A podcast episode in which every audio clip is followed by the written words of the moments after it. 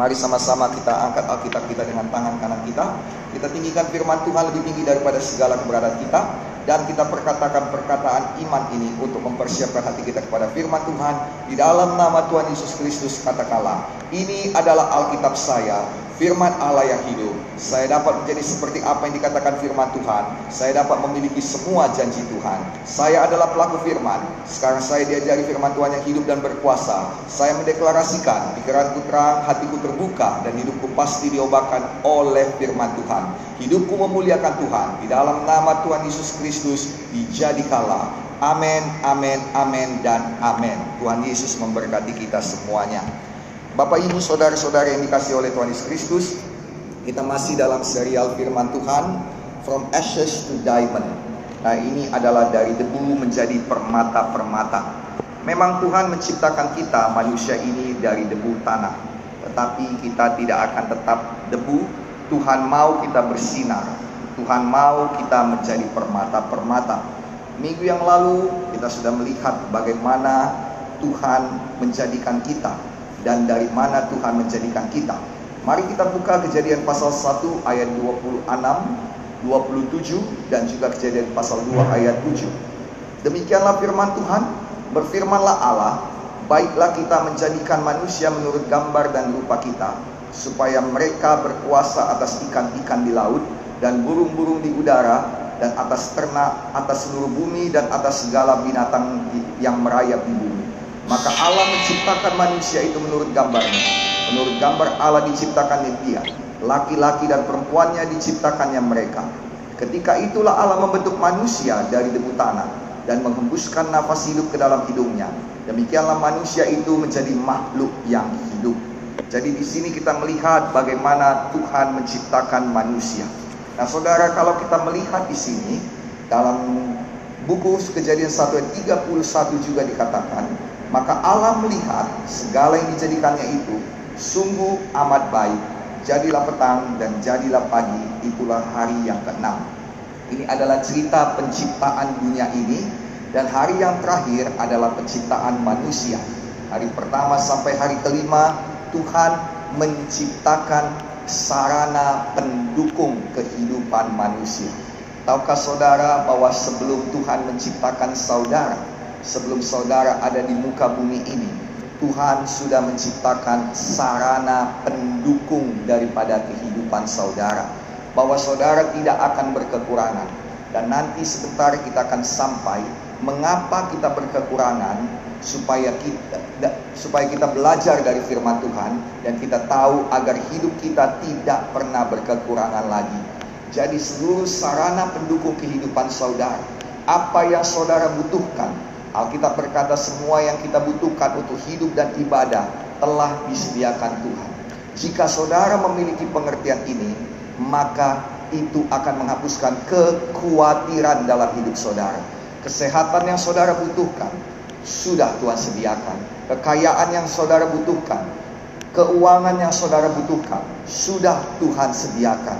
Kekuatan untuk menghadapi masalah-masalah yang saudara butuhkan sudah Tuhan sediakan damai sejahtera, sukacita yang kita butuhkan untuk melanjutkan hidup kita sudah Tuhan sediakan. Seluruh penopang kehidupan kita sudah Tuhan sediakan. Itu sebabnya manusia diciptakan pada hari yang keenam.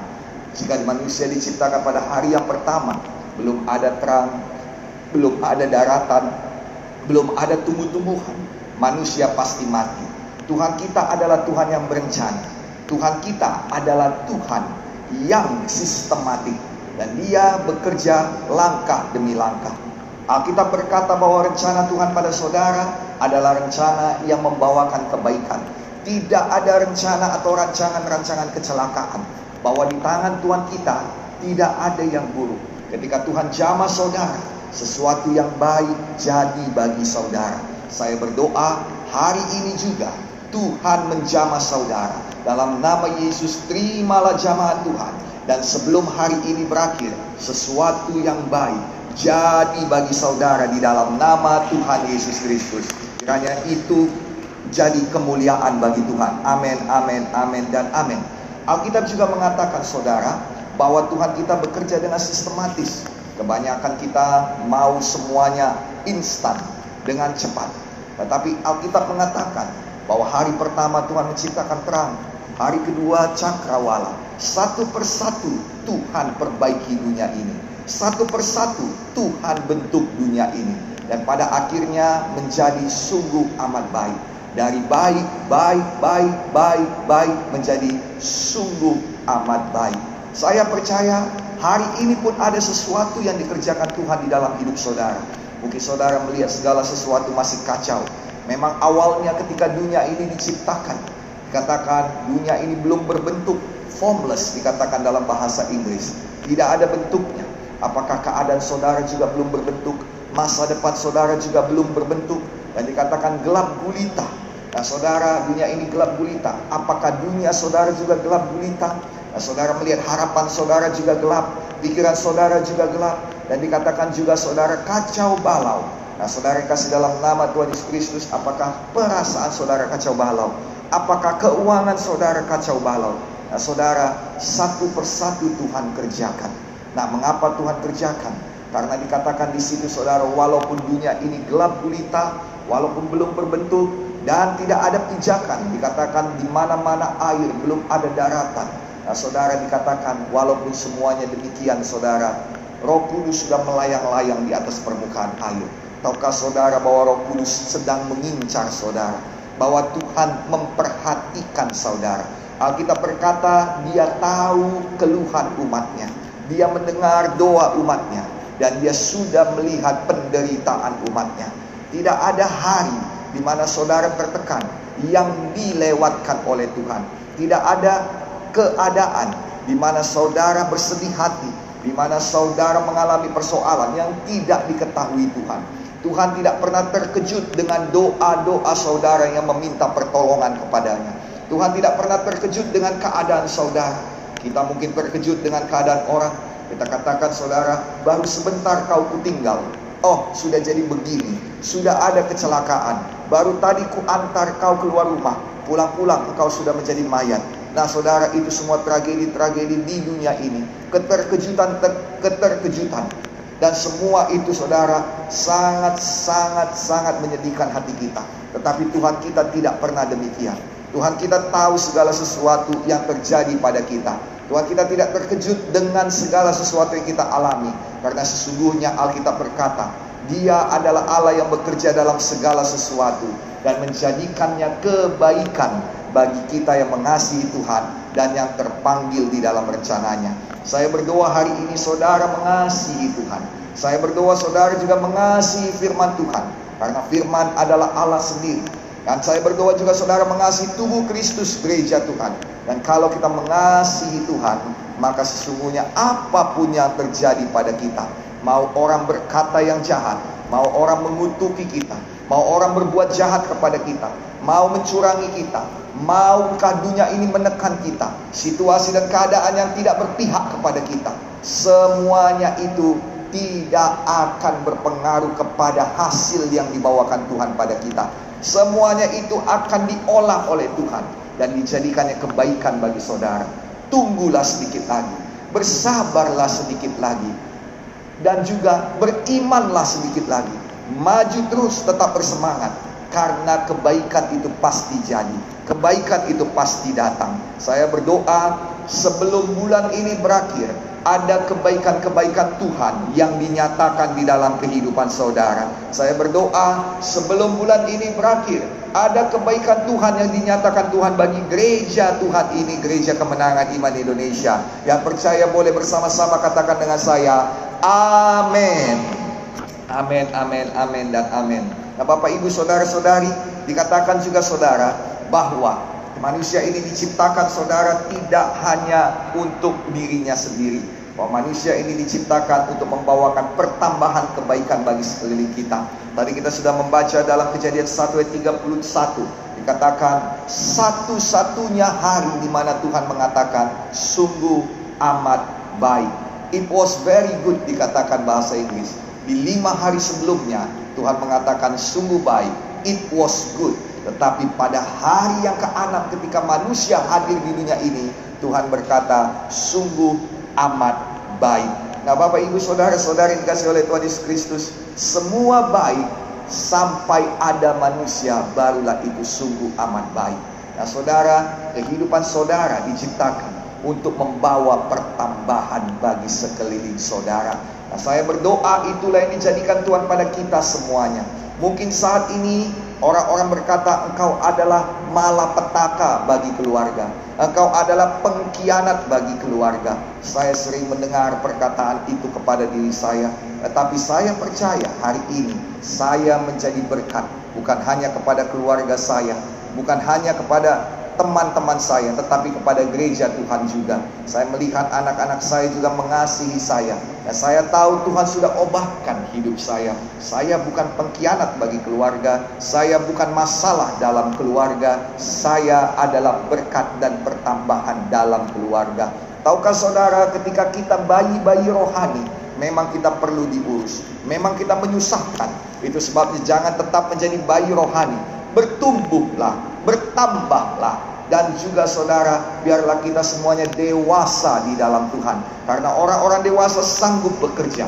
Orang-orang dewasa sanggup memberkati. Saya berdoa bahwa semua jemaat Tuhan di Gereja Kemenangan Iman Indonesia tidak hanya meminta-minta, tidak hanya minta dilayani, tetapi mulai bertumbuh oleh makanan rohani yang yang hidup yaitu firman Tuhan yang berkuasa. Nah saudara kasih dalam nama Yesus semua kita bertumbuh dewasa sehingga semuanya kita boleh menjadi berkat.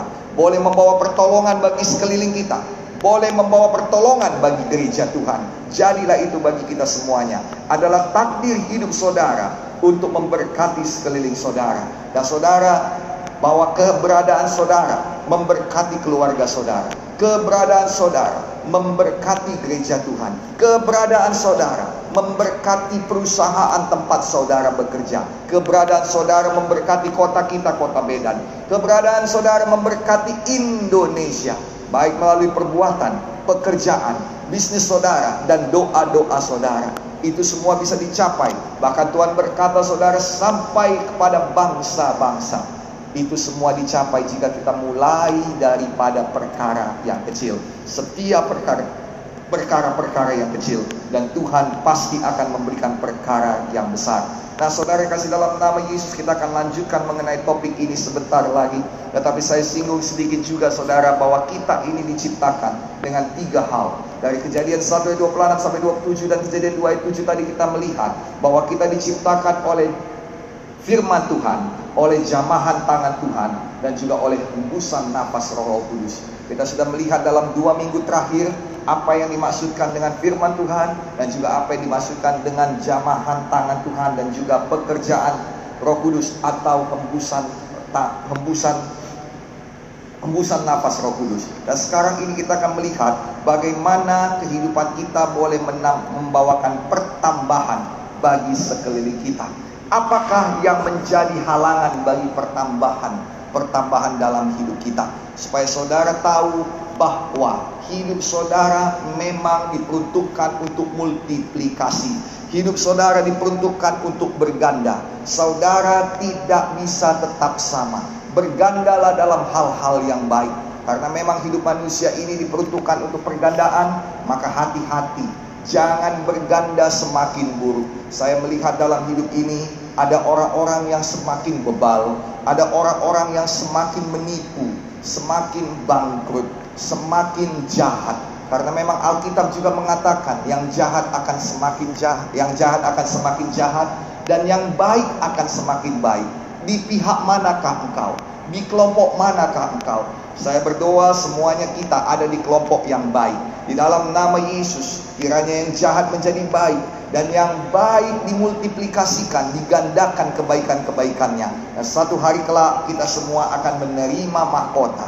Nah saudara, dalam buku Injil dituliskan mengenai perumpamaan yang dibawakan oleh Tuhan Yesus. Supaya cepat saya langsung ceritakan kepada saudara, semuanya kita tahu mengenai perumpamaan mina dan juga perumpamaan talenta di mana yang satu hamba diberikan lima talenta, yang satu dua talenta, dan yang satu lagi satu talenta.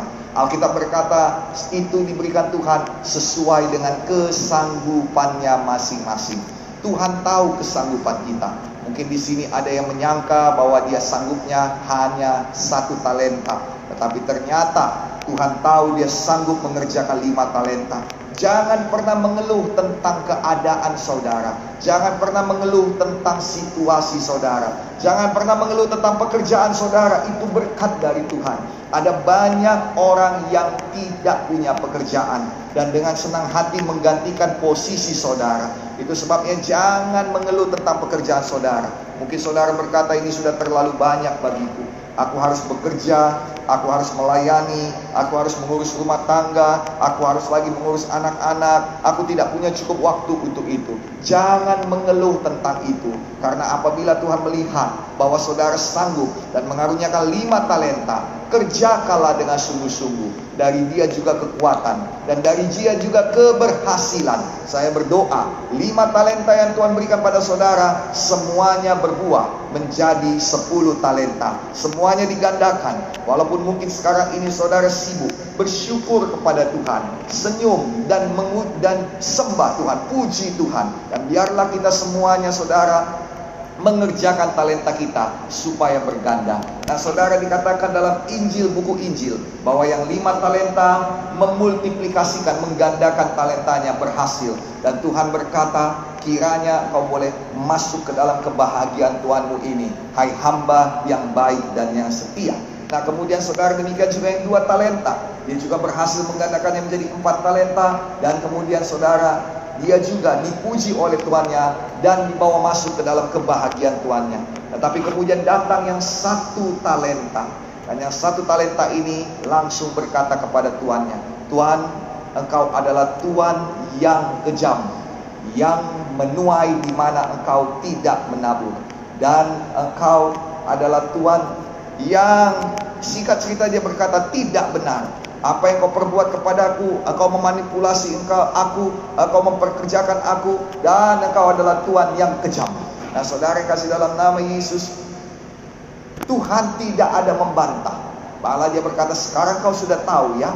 Tetapi kemudian Tuhan memberikan jalan keluar kepada hamba ini yang tidak dikerjakannya. Dengarkan baik-baik. Terkadang kita pikir masalah kita tidak ada jalan keluarnya. Jangan sampai kita malu di hadapan tahta ilahi.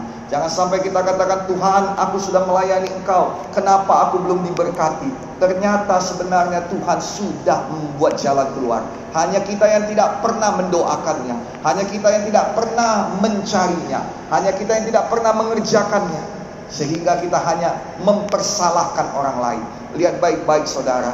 Jika orang ada dalam posisi yang salah, orang-orang yang tidak berbuah, kerjanya cari masalah, kerjanya mempersalahkan orang lain, kerjanya saudara menuduh orang lain, dan itulah yang terjadi. Kalau saudara tanya orang-orang yang belajar psikologi dan semua uh, uh, orang-orang yang bergerak dalam bidang motivasi, semuanya tahu bahwa mereka yang mempersalahkan engkau, begitulah sebenarnya kehidupan mereka. Mereka sendirilah yang bersalah. Mereka sendiri harus membereskan dengan dirinya. Mereka sendirilah yang sebenarnya yang perlu diperbaiki. Itu sebabnya jangan pernah terganggu oleh orang-orang yang memfitnah engkau. Jangan pernah terganggu oleh orang-orang yang mempersalahkan engkau. Dalam Matius 5 dikatakan, kepadamu ditimpakan, dituduhkan, dilemparkan semua hal-hal yang buruk. Bersukacitalah, bergembiralah, sebab besar upahmu di sorga. Jadi saudara yang kasih dalam nama Tuhan Yesus Kristus, kita tahu saudara bahwa orang-orang yang demikian saudara yang mempersalahkan, dialah sebenarnya yang salah. Demikian juga saudara kita lihat hamba yang satu talenta ini.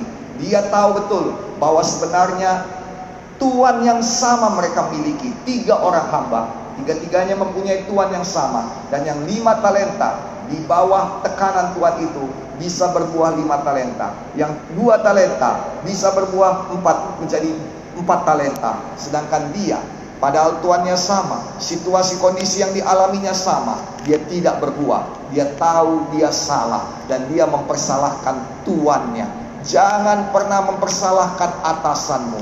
Jangan pernah mempersalahkan orang tuamu. Jangan pernah mempersalahkan pimpinanmu. Jangan pernah mempersalahkan pendetamu. Jangan pernah mempersalahkan gembalamu. Jangan pernah mempersalahkan bosmu. Dan jangan pernah mempersalahkan Tuhan. Karena yang mempersalahkan Tuhan, yang saling mempersalahkan, pasti dihukum. Ciri khas daripada orang yang bersalah pasti mempersalahkan yang lain. Kita melihat saudara di dalam Taman Eden ketika Adam dan Hawa jatuh ke dalam dosa, maka saudara lihat baik-baik mereka mulai saling mempersalahkan.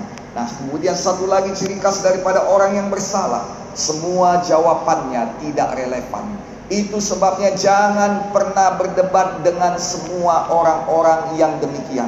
Mereka merasa dirinya benar. Saya pernah berdebat dengan orang yang demikian. Lima jam kami berdebat. Saya berdebat dengan istri saya dengan dia. Tidak ada hasilnya. Besoknya berdebat lagi. Istri saya berdebat tiga, dua jam dengan yang lain lagi. Dan saya juga berdebat lagi saudara tiga jam bersama istri saya dengan dia juga. Dan tidak ada hasilnya juga. Nah saudara kasih dalam nama Yesus saya belajar. Orang-orang yang demikian tidak perlu didebat. Memang itu adalah satu pernyataan-pernyataan yang bodoh. Saudara dari pikiran yang bodoh. Ada orang bertanya kepada istri saya, dia katakan, Bu, bagaimana ya Apakah pada masa sekarang ini Tuhan Yesus juga kongko-kongko? Satu pikiran yang sangat bodoh. Yang pertama sekali saudara, engkau tidak hidup pada masa lalu dan Yesus tidak hidup pada masa saat ini. Jadi engkau tidak perlu tahu itu. Dan kalau memang kau perlu tahu, tanya sama Yesus, jangan kepada istri saya. Lihatlah betapa dangkalnya dan tidak relevan. Orang-orang yang demikian tidak ada gunanya untuk di, di, di, di, dilayani, diladeni. Dengarkan baik-baik. Lihat Adam dan Hawa ketika mereka berbuat dosa. Ketika Yesus datang, Tuhan datang ke Taman Eden. Tuhan bertanya pada mereka, "Di manakah engkau?" Mengapakah Tuhan bertanya? Karena Alkitab berkata setiap kali angin sepoi-sepoi datang, Tuhan datang ke Taman Eden dan biasanya manusia menyambut dia. Tetapi sekali ini manusia tidak menyambut dan tentunya kalau kita pun seorang bapak pulang ke rumah dan anak tidak menyambut, maka pertanyaan pertama ada dalam hati kita ialah di mana semuanya? Di mana istriku? Di mana anak-anakku? Maka dia memanggil Adam dan Hawa dan dia berkata, "Adam, Hawa, di manakah engkau?" Sangat relevan. Tetapi jawaban Adam dan Hawa itu sangat mengejutkan, tidak relevan.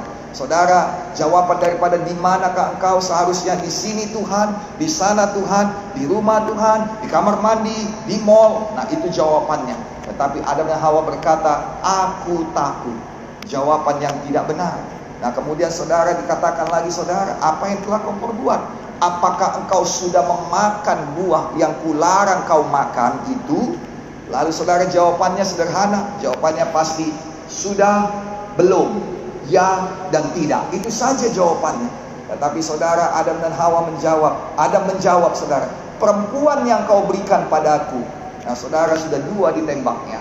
Yang mempersalahkan perempuan istrinya. Dan dia mempersalahkan Tuhan juga. Lihat baik-baik. Orang yang bersalah pasti akan mempersalahkan orang lain. Dan saudara Hawa juga demikian. Apa yang telah kau perbuat ini? Kalau saudara lihat baik-baik, itulah kasih Tuhan kepada manusia. Ada orang berkata bahwa Tuhan tidak memberikan kesempatan kepada Adam dan Hawa untuk bertobat. Saya beritahukan pada saudara, pertanyaan Tuhan yang ini sungguh-sungguh sudah membuka jalan pertobatan kepada Adam dan Hawa. Jelas Tuhan bertanya kepada Hawa dan dia berkata dalam kejadian 3, apa yang telah kau perbuat ini? Seharusnya pada saat itu manusia datang kepada Tuhan berlutut dan berkata, kami telah berbuat dosa ya Tuhan. Ampunilah kami. Sesuai dengan kebesaran kasih setiamu, seperti Daud berkata, aku telah berbuat dosa dan jangan cabut rohmu daripada aku ampunilah aku sesuai dengan kebesaran kasih setiamu. Jika engkau memperhitungkan semua dosa-dosa kami manusia, siapakah yang dapat bertahan di hadapan engkau? Bersihkanlah kami dengan hisop dan juga sucikanlah kami dengan darahmu yang kudus. Dan Daud diampuni Tuhan. Sayangnya Adam dan Hawa memberikan jawaban yang tidak relevan. Ketika Hawa ditanya, apa yang telah kau perbuat ini? Seharusnya dia berkata, kami telah berbuat dosa tapi malah jawabannya juga tidak relevan. Dia berkata, ular itu ya Tuhan. Nah, saudara kasih dalam nama Yesus lihat baik-baik. Hamba yang nomor tiga yang diberikan satu talenta dihukum oleh Tuhan. Dan kemudian Adam dan Hawa juga dihukum oleh Tuhan. Dengarkan baik-baik. Salah satu hukuman Tuhan yang paling mengerikan ialah dari debu tanah engkau dipanggil. Dari debu tanah engkau dibuang. Dan kepada debu tanah lagi engkau kembali. From ashes to ashes. Jadi tidak kepada diamond. Tetapi kembali lagi kepada debu tanah. Ada kehidupan yang sia-sia. Walau dia kaya dikatakan Alkitab Seorang anak muda yang kaya berkata, Kepadamu ada berbagai harta, nikmatilah. Tapi Tuhan berkata, Hai bodoh, pada malam ini nyawamu diambil daripadamu.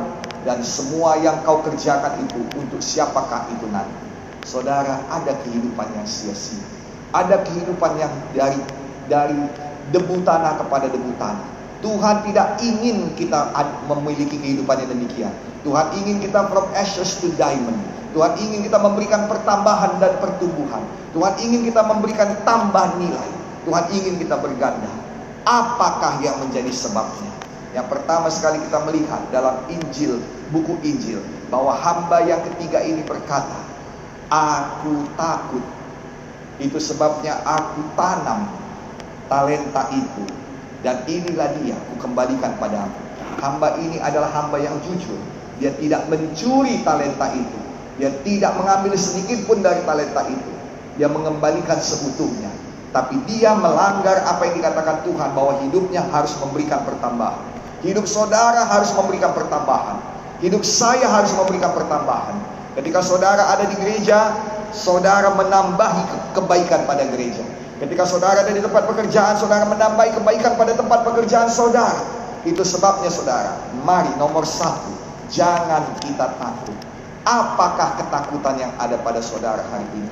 Apakah saudara takut mati? Apakah saudara takut masuk neraka? Serahkan hidup saudara pada Tuhan. Minta ampun kepada Tuhan akan dosa-dosa kita. Memang penghukuman pasti datang bagi mereka yang tidak minta ampun. Bagi mereka yang berdosa. Allah kita, Tuhan kita adalah Tuhan yang adil. Yang menghukum setiap dosa. Dia mengasihi orang yang berdosa.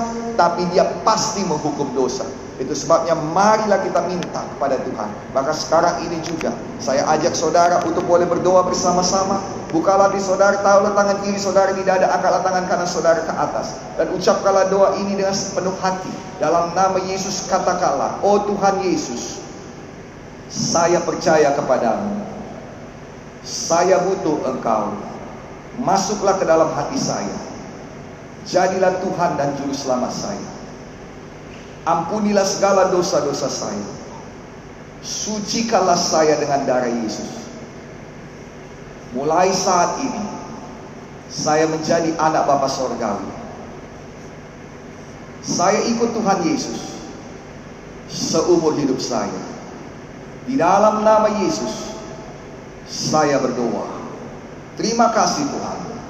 Dan semua kita yang percaya dosa yang diampuni sepakat berkata, Amin. Nah, saudara Alkitab berkata, apabila kita mengaku dosa kita, maka Allah kita adalah setia dan adil. Dia pasti akan mengampuni semua dosa-dosa kita. Nah, Bapak, Ibu, saudara-saudara yang dikasih oleh Tuhan Yesus Kristus. Nah, saudara, hari ini, jika kita sudah mengucapkan doa ini, Alkitab berkata, jangan berbuat dosa lagi. Yang pertama sekali, saudara, dia takut. Dan saudara, itu juga yang dikatakan Adam dan Hawa.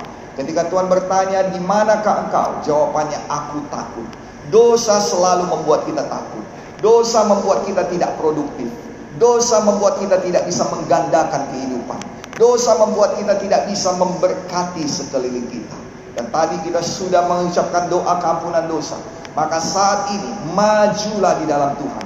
Bersemangatlah dalam Tuhan. Tuhan mau obahkan hidup saudara. Hidup saudara tidak akan pernah sama lagi. Carilah tempat di mana saudara dibaptiskan. Akhir bulan ini kami akan mengadakan baptisan. Gereja Kemenangan Iman Indonesia akan mengadakan baptisan. Baptisan. Daftarkan diri saudara.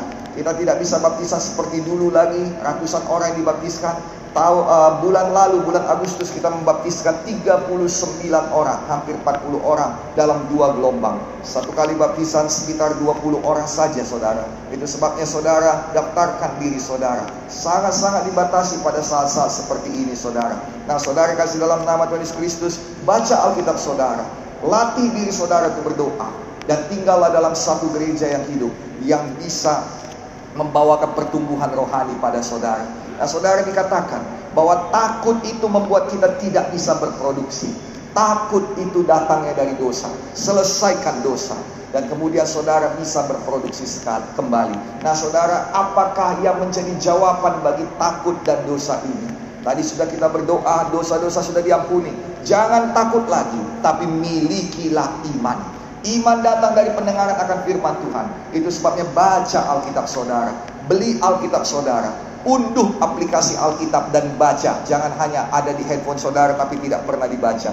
Bacalah Alkitab saudara dan dapatkan makanan rohani saudara. Dewasalah dalam Tuhan dan jadilah permata-permata. Nah, saudara yang kasih dalam nama Tuhan Yesus Kristus, di manakah dikatakan semua permata itu tersimpan? Nah, saudara yang kasih dalam nama Tuhan Yesus Kristus, dikatakan saudara di dalam mohon maaf.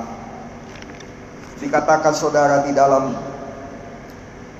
buku kejadian. Ya kejadian pasalnya yang ke sebentar. Ya ini dia. Kejadian. Ke pasal 2 ayat 11 dan 12 yang pertama namanya Pison yakni yang mengalir mengelilingi seluruh tanah Hawila. Dan di mana tempat emas ada. Nah ini berbicara mengenai sungai-sungai yang ada di Taman Eden, tetapi dikatakan sungai Pison mengaliri seluruh tanah Hawila. Dan di tanah Hawila ada emas. Dan emas dari negeri itu baik adanya.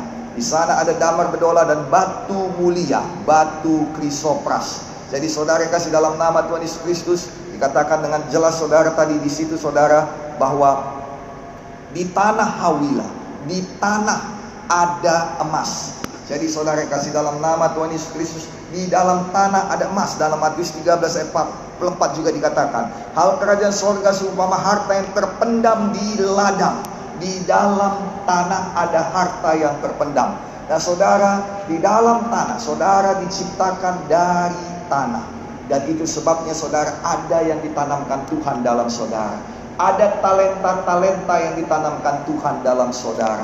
Saudara adalah satu bahan baku yang harus diolah lagi. Itu sebabnya bersemangatlah mengikut Tuhan. Setialah perkara kecil.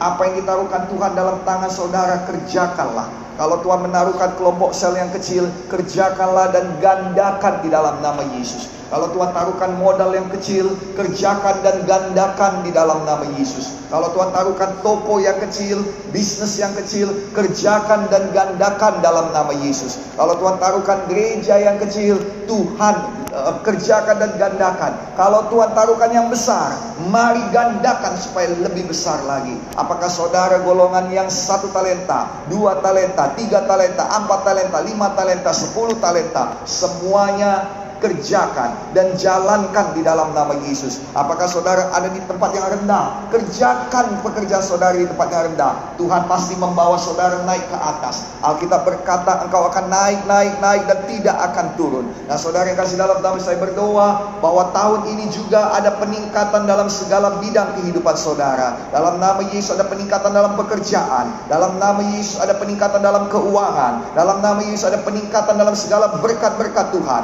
Dalam nama ada peningkatan dalam segala kebaikan-kebaikan Tuhan. Dalam nama ada peningkatan dalam pelayanan. Dijadikanlah untuk kemuliaan Tuhan. Di dalam nama Tuhan Yesus Kristus. Jadi saudara, kita perlu mengerjakan talenta-talenta kita. Kerjakanlah dengan setia. Nah saudara, dikatakan saudara ada orang-orang yang tidak akan mau, tidak akan tidak akan setuju dengan pekerjaan saudara. Mereka akan menghina saudara.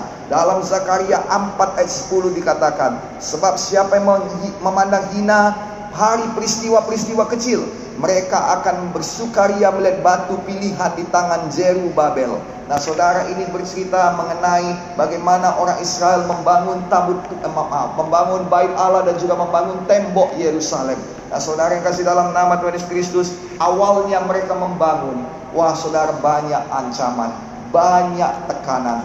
Awalnya mereka membangun saudara. Ada banyak-banyak oposisi, musuh-musuh dan mereka menghina. Tetapi Tuhan berkata, jangan memandang remeh pada tokomu yang kecil. Jangan memandang remeh pada kedudukanmu yang kecil. Jangan memandang remeh pada pelayananmu yang kecil. Jangan memandang remeh pada modalmu yang kecil. Karena akan tiba saatnya batu yang terakhir itu diletakkan. Itu dikatakan batu pilihan di tangan Zerubabel. Itu dalam terjemahan lain, batu yang terakhir yang diletakkan. Semua sudah selesai. Tembok sudah selesai. Bait Allah sudah selesai. Dan itu akan menjadi kemuliaan. Dan dikatakan sambungannya nanti dikatakan saudara bahwa kemuliaan rumah yang kemudian akan lebih daripada rumah yang pertama. Saudara yang kasih dalam nama Yesus bahwa di depan sana Tuhan sudah sediakan kemuliaan bagi saudara. Kemuliaan dalam rumah tangga saudara. Kemuliaan dalam pekerjaan saudara. Kemuliaan dalam masa depan saudara. Dan kalau kita cerita kemuliaan, itu pasti selalu hal yang baik. Kalau kita cerita kemuliaan, itu pasti selalu hal yang besar. Itu sebabnya saudara jangan menganggap remeh. Jangan bersungut-sungut akan semua masalah-masalah saudara. Kemarin saudara Dr. Sos membawakan cerita mengenai Lea. Lea dikatakan adalah orang yang tidak dikasihi oleh suaminya. Suaminya Yakub mengasihi Rahel dan dia mencintai Rahel. Rela bekerja 14 tahun untuk Rahel. Yakub artinya seorang penipu dan memang dia mendapatkan kebanyakan hal-hal dalam hidupnya dengan cara menipu. Dia mendapatkan berkatnya dari bapaknya dengan cara menipu bapaknya agar bisa merampok berkat itu dari abangnya Esau dan dia sekarang bertemu dengan penipu yang lebih ulung lagi daripada dia yaitu Laban saudara yaitu pamannya dan pamannya menipu dia ketika dia mau menikahi anak pamannya Laban ini yaitu Rahel pamannya memberikan Lea kepadanya dan apa yang terjadi saudara Tuhan itu adil. Tuhan tutup rahim Rahel dan Tuhan buka rahim Lea. Ataukah saudara anak pertama Lea namanya namanya Ruben. Ruben saudara dan kemudian saudara dikatakannya sekali ini aku akan diperhatikan oleh suamiku lebih lagi. Dan kemudian anak yang Simeon juga dikatakan aku akan dicintai oleh suamiku lebih lagi. Dan kemudian saudara anak Lewi oh saudara Lea ini betul-betul mengharapkan cinta daripada suaminya mengharapkan kata-kata pujian daripada suaminya dan dia tidak pernah dapatkan. Sampailah lahir anaknya yang keempat dan dia namakan anaknya Yehuda dan dia berkata sekali ini aku akan memuji Tuhan Allahku. Nah saudara yang kasih dalam nama Tuhan Yesus Kristus, kadangkala dalam melayani, kadangkala dalam bekerja, kita mengharapkan pujian, kita mengharapkan uh, satu peneguhan dari teman kita, dari istri, dari suami, dari pasangan, dari orang tua, dan saudara tidak dapatkan, tetap maju, tetap berbuah. Kita lihat saudara Lea, dia tetap menghasilkan buah. Dia tetap memberikan anak-anak kepada Yakub. Walaupun Yakub tidak peduli, pada akhirnya dia mengerti seluruh hidupnya itu adalah untuk mempermuliakan Tuhan. Anak-anak saudara adalah untuk mempermuliakan Tuhan. Ya saudara, perkembangan bisnis saudara adalah untuk memuliakan Tuhan. Kemajuan daripada keuangan saudara adalah untuk mempermuliakan Tuhan. Dan juga perkembangan pelayanan kita ini, perkembangan atau pergandaan gereja adalah untuk kemuliaan Tuhan. Selalu puji Tuhan, selalu selalu sembah Tuhan. Pada akhirnya kita tahu bahwa hidup kita tidak bergantung pada manusia, tetapi sesungguhnya semuanya bergantung pada Tuhan. Itu sebabnya saudara mulai sekarang punya sikap yang benar untuk dapat berganda, untuk dapat memberikan pertambahan pada sekeliling kita. Jangan kita hanya melihat pada diri kita saja. Kalau kita melihat pada diri kita, kita akan melihat pada banyak kekurangan. Kita akan melihat pada hal-hal yang belum kita capai. Kita akan memperbandingkan. Nah, dengar baik-baik memperbandingkan adalah racun yang paling jahat dalam kehidupan. Itu merusak rumah tangga, mematikan hubungan-hubungan. Itu sebabnya jangan pernah memperbandingkan dirimu dengan yang lain. Engkau unik, di dalam engkau, engkau adalah tanah yang dibentuk oleh tangan Tuhan. Di dalam tanah itu ada emas. Di dalam tanah itu ada harta terpendam. Di dalam tanah itu ada batu permata. Olahlah itu. Engkau punya kekuatan. Ya, memang kita semua punya kelemahan juga. Tetapi di atas kelemahan kita ada Tuhan yang menolong kita. Jangan pandang pada kelemahan-kelemahan kita. Pandang pada Tuhan yang menolong kita. Alkitab juga mengatakan pada saat kita mengerjakannya itu pasti ada orang-orang yang mengejek. Ketika Nehemia membangun membangun uh, tembok Yerusalem. Dikatakan dalam Nehemia 4 ayat 3, berkatalah Tobia orang Amon itu yang ada di dekatnya, sekalipun mereka membangun kembali, kalau seekor anjing hutan meloncat dan menyentuhnya, robohlah tembok batu mereka. Ini sangat menyakitkan. Nehemia langsung berdoa kepada Tuhan. Dia tidak balas itu Sanbalat, dia tidak balas itu Tobia, tetapi dia berdoa pada Tuhan. Dia katakan, "Tuhan, lihatlah betapa menyakitkan perkataan mereka." Biarlah engkau yang berurusan dengan mereka.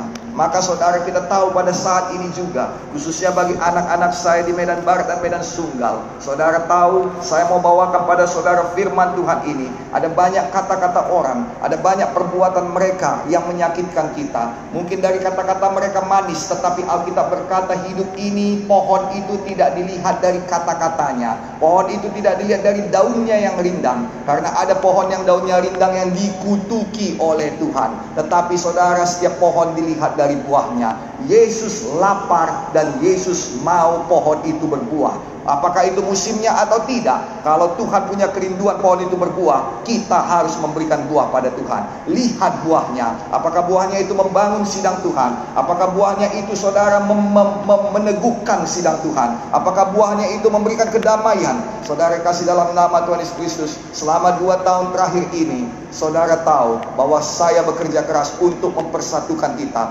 Terpujilah Tuhan, Tuhan menjaga gerejanya. Mari kita hargai pekerjaan Tuhan yang menjaga gereja ini. Mari kita hargai pekerjaan Tuhan yang mempersatukan kita dengan cara tetap menyala-nyala untuk Tuhan. Anak-anak saya, Amang, Inang, saudara-saudari yang ada di wilayah Medan Barat dan Medan Sunggal, tetaplah menyala-nyala untuk Tuhan pasti ada jalan keluar. Jangan perhatikan Sanbalat dan Tobia. Tetap membangun tembok Yerusalem. Karena dikatakan firman Tuhan tadi, jangan memandang hina peristiwa-peristiwa yang kecil. Mungkin saat ini engkau belum punya tempat ibadah. Tuhan akan kasih tempat ibadah yang lebih besar lagi. Karena ada saatnya Tuhan akan memberikan pada kita batu terakhir yang akan kita letakkan dengan sorak-sorai di mana pembangunan itu selesai dan kita akan mengundang Tuhan datang untuk memberkati semua pekerjaan kita. Kiranya Tuhan memberikan pada kita pekerjaan yang lebih besar lagi. Semuanya kita bersemangat. Jangan ada yang kita takut. Semua dosa-dosa dibereskan dengan darah Yesus yang berkuasa. Mari kita isi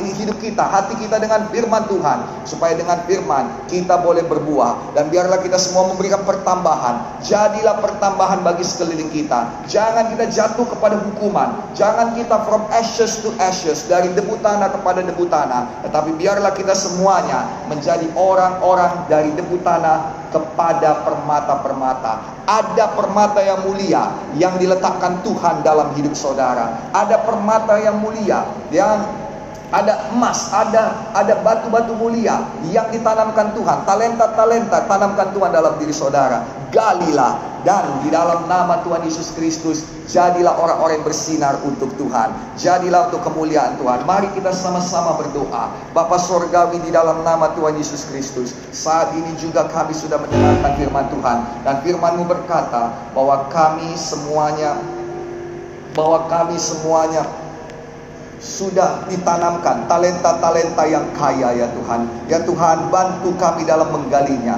Berikan kekuatan kepada kami supaya kami yang memulai dari awal tidak patah semangat, supaya kami yang masih ada dalam stages atau dalam kelas yang kecil tidak menjadi trauma oleh karena tekanan-tekanan, oleh karena perkataan-perkataan orang, oleh karena kelakuan-kelakuan jahat orang. Tetapi Tuhan kami berdoa agar semuanya kami tetap menyala-nyala, semuanya kami tetap bersemangat, semuanya kami tetap maju di dalam Tuhan. Ya Tuhan kami berdoa Tuhan, supaya hari ini semuanya kami diteguhkan Tuhan, dilindungi oleh Tuhan. Jangan ada kami yang takut lagi. Kami sudah berdoa agar dosa-dosa kami diampuni. Terpujilah nama Tuhan yang mengampuni semua dosa-dosa kami. Kami bersyukur buat karya penyelamatanmu di kayu salib di Golgota Tuhan. Kami terima sepenuhnya dengan iman. Dan saat ini juga Tuhan kami semuanya dibasuh oleh darah Yesus yang berkuasa. Tuhan kami mau bertumbuh dalam Engkau. Kami mau isi hati kami dengan firman. Supaya dengan firman kami mempunyai iman. Dan dengan iman tidak ada yang mustahil. Dengan iman kami bertumbuh dalam Engkau. Menjadi kuat dan menjadi menjadi berkat bagi sekeliling kami. Tuhan jadilah itu bagi kami semuanya. Saat ini juga Tuhan kami berdoa agar semuanya kami dipenuhkan dengan roh Kudus. Agar roh Kudus meneguhkan firman ini boleh menjadi kenyataan bagi kami semuanya. Maka buka hati saudara, angkat tangan saudara. Dan biarlah firman Tuhan diteguhkan oleh roh Kudus. Mari semuanya berbahasa roh di dalam nama Tuhan Yesus Kristus.